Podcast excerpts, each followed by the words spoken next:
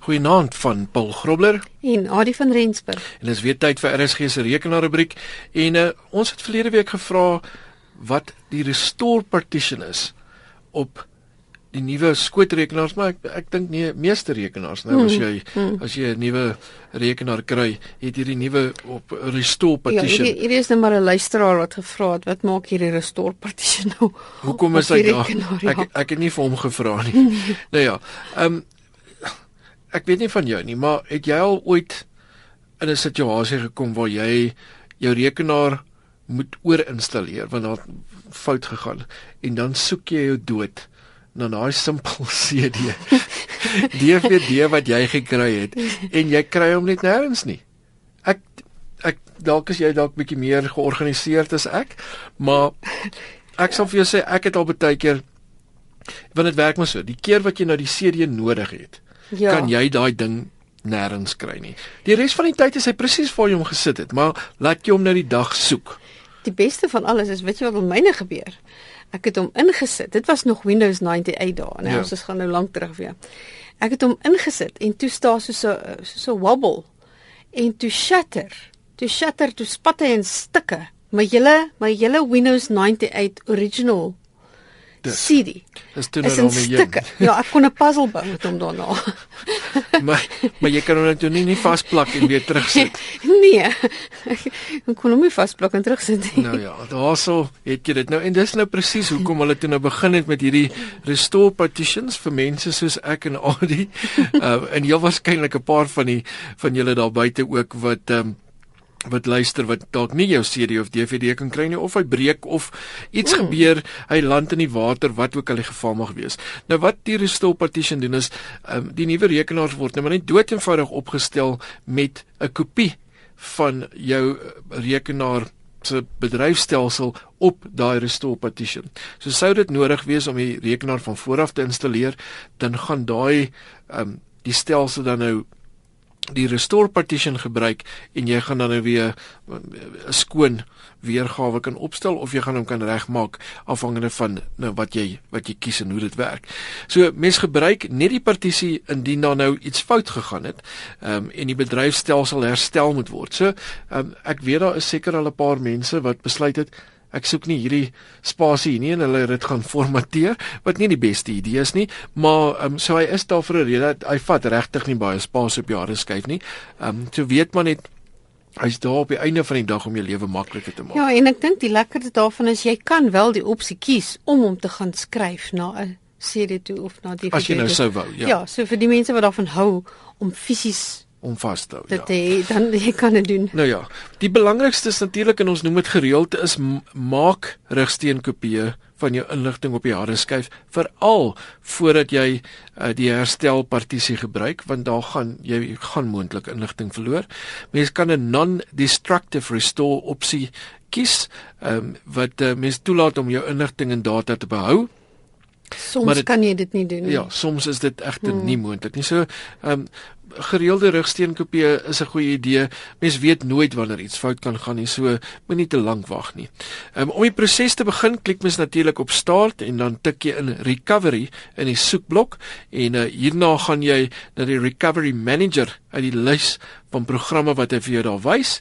En uh, wanneer jy dan die recovery manager hardloop, wys dit verskeie opsies, byvoorbeeld computer checkup indien jy net uh, nie weet wat fout is nie, um, is hierdie 'n goeie plek om te begin want dit gaan jou help um, om die rekenaar net na te gaan en uh, enige foute en probleme op te um, spoor hmm. op jou bedryfstelsel. Dan die tweede opsie is recovery media creation en dis vir almal wat nou soos wat jy genoem het, hou hmm. van 'n CD of 'n DVD vir die herstelwerk want dit laat mens toe om 'n herstel CD te um, skep dan nou. En indien een van die oorspronklike programme op jou rekenaar korrup geraak het, soos uh, kies jy byvoorbeeld soft uh, software program reinstallation en 'n uh, Microsoft se system restore, sal die recovery manager uh, toemaak en die system restore program laai en dan jou system restore laat mens toe om terug te keer na vorige wat ons noem 'n restore point sonder om data soos jou hardeware drywers, programme en inligting te verloor sowel as natuurlik data. Nou. Hy hmm. hy vee nie enige data uit nie. Die opsie system recovery um, is um, as als hopeloos korrup geraak het um, en nie meer herstel kan word nie en dan moet mens maar als oorlaai.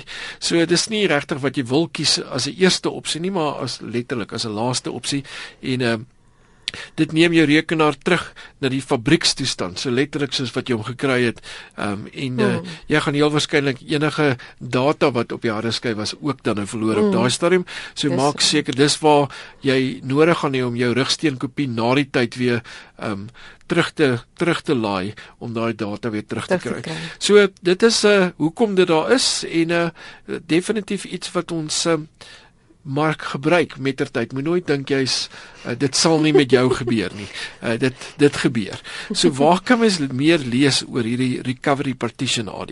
Ja, daar's 'n um, daar's 'n hele paar oulike artikels. Hierheen gaan ehm um, hierdie was nou eintlik uiteraard 'n vraag oor Windows 7 wat gevra was. So www.7forums.com skynstreep tutorials skynstreep 668 system recovery options.html. Dan is daar ook ehm um, uh, dummies.com uh, how to content how to boot into recovery partition in windows.html en dan is daar nog 'n artikel van 7 forums wat sê system repair disk create.html so is 'n bietjie lang um Ja. Uh, name hierdie. So as jy uh, nie vinnig genoeg kon uh, skryf nie, dan uh, kan jy net uh, ons kon kort webwerf onthou rsg.co.za en gaan kyk daar gerus onder child update by die RSG rekenaar rubriek en jy sal hierdie skakels uh, van hierdie program sowel as van ons vorige programme kan kry en uh, heel waarskynlik bietjie meer kan oplees hieroor. Nou uh, Andre het dan ook geskryf oor virusse op sy rekenaar wat hy gekry het. Ja, hy het gesê hy het 'n lang proses proses gehad van virusverwyderings.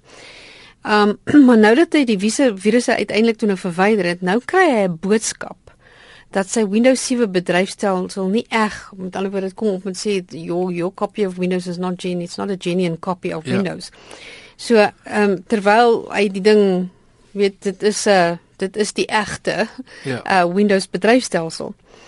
So um, wat mense miskien kan onthou is Windows 7 het wat hulle noem die Windows Genuine Advantage Checker wat daar ingebou is. En dit verifieer um you know dat die dat die kopie van Windows dan nou um wettiglik gelisensieerd is. Mm -hmm. Nou dit kan maar wees nou as gevolg van daai hele proses om nou virusse te verwyder. So dit kan nou gebeur dat dit kan nou nie dit word nou nie meer raak gesien nie. So wat 'n mens moet doen is jy moet eintlik maar daai serienommer gaan kry op die Windows Authentic uh, Authenticity label. Jy moet kyk waar op die rekenaar dit geplak is. Gewoonlik is dit daarop. Ja. En dan gaan jy na start toe en jy tik in activate Windows by daai soekblok en dan tik jy jou produkkode in en dan kan jy weer kies om Windows te aktiveer. So, ehm um, soms kry mens nog ander probleme. As jy 'n ander probleem nog het, dan kan jy ook maar gaan oplees daaroor weer 'n keer by daai 7forums.com uh, webwerf. Ehm um, Windows ehm um, updates activation. Ehm um, en dan uh hierdie spesifieke artikel gaan oor Windows 7 asking activated again after each reboot. So dit dit gebeur dat elke keer wat jy hom herlaai, dan kom hy op met hierdie boodskap want hy sien nie ja. daai, hy sien dit nie raak nie. Ja. Ek moet sê ek is baie bly ons organisasie uh, waar ek werk het uh, volume licensing. mm. So dit is baie maklik om weer die kodes in die hande te kry um, as dit nou as so iets mm. as so iets gelukkig gebeur. Maar dit is 'n goeie idee ook om natuurlik 'n kopie of daai kode net ergens te stoor ook, né? Om mm. moet ek wil myne weet ek um, is onder my um laptop vasgeplak, mm. maar met tyd vee skuif. Ja, dit ja, dit, dit gaan maar weg, weg met tyd. Ja, so maak met, maar maak maar plan. Nou ja, ons het vinnig uh, verlede week gesels oor Google Docs en uh, al die het vir ons nog 'n wenk rakende Google Docs.